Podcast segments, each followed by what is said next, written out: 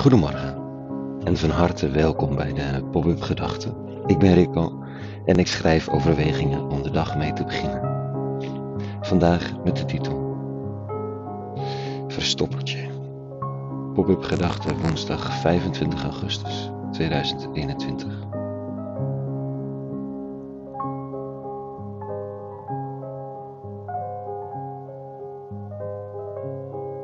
Soms wil je er liefst even niet zijn. Ik weet niet of je het herkent, maar misschien komt hier dat wel. Ik kan wel door de grond zakken vandaan. Dat je het liefst wil dat de aarde zich onder je opent en je verdwenen bent.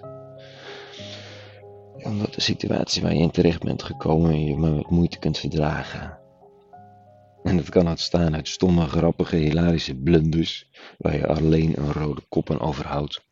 Of uit de diepe wanhoop en depressie die ook nergens maar enige uitweg ziet. Soms wil je weg. Weg uit de aanwezigheid van anderen die dicht bij je staan. Weg uit het wereldje waar je in bent opgegroeid. Of weg uit de kerk waar je vandaan komt. Weg bij jezelf ook liefst. Maar dat is nog zo gemakkelijk niet. Er zijn er die, die vertellen dat ze de hele wereld over zijn gereisd, maar uiteindelijk was het niet heel boeiend, want het was overal zo'n beetje hetzelfde. Ze hadden heel veel toffe dingen gezien en gedaan. Waarom het overal hetzelfde was, is omdat je overal jezelf meeneemt. Jezelf, met al die vragen, uitdagingen, stommiteit en manieren van doen.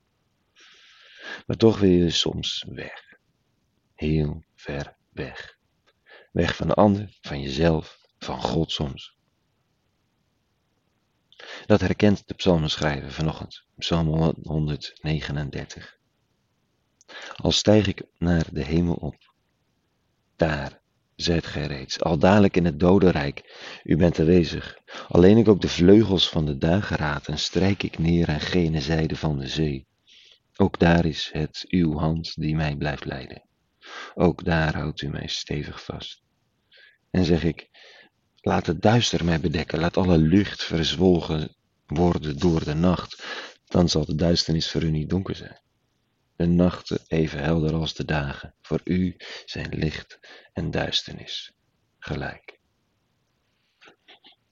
Het heeft blijkbaar geen zin om verstoppertje te spelen met de eeuwige. Frustrerend.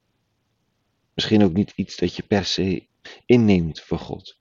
We zijn gesteld op onze privacy en onze autonomie. En dan is de eeuwige overal en altijd aanwezig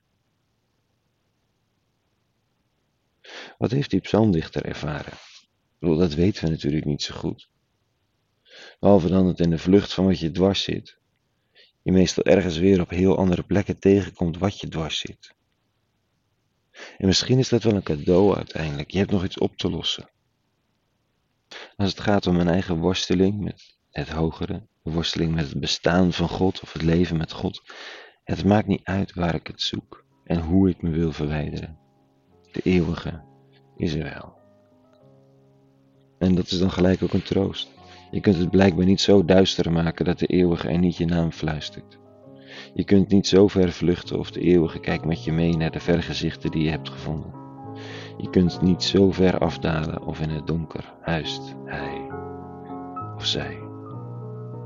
Geduldig, betrokken, aanwezig.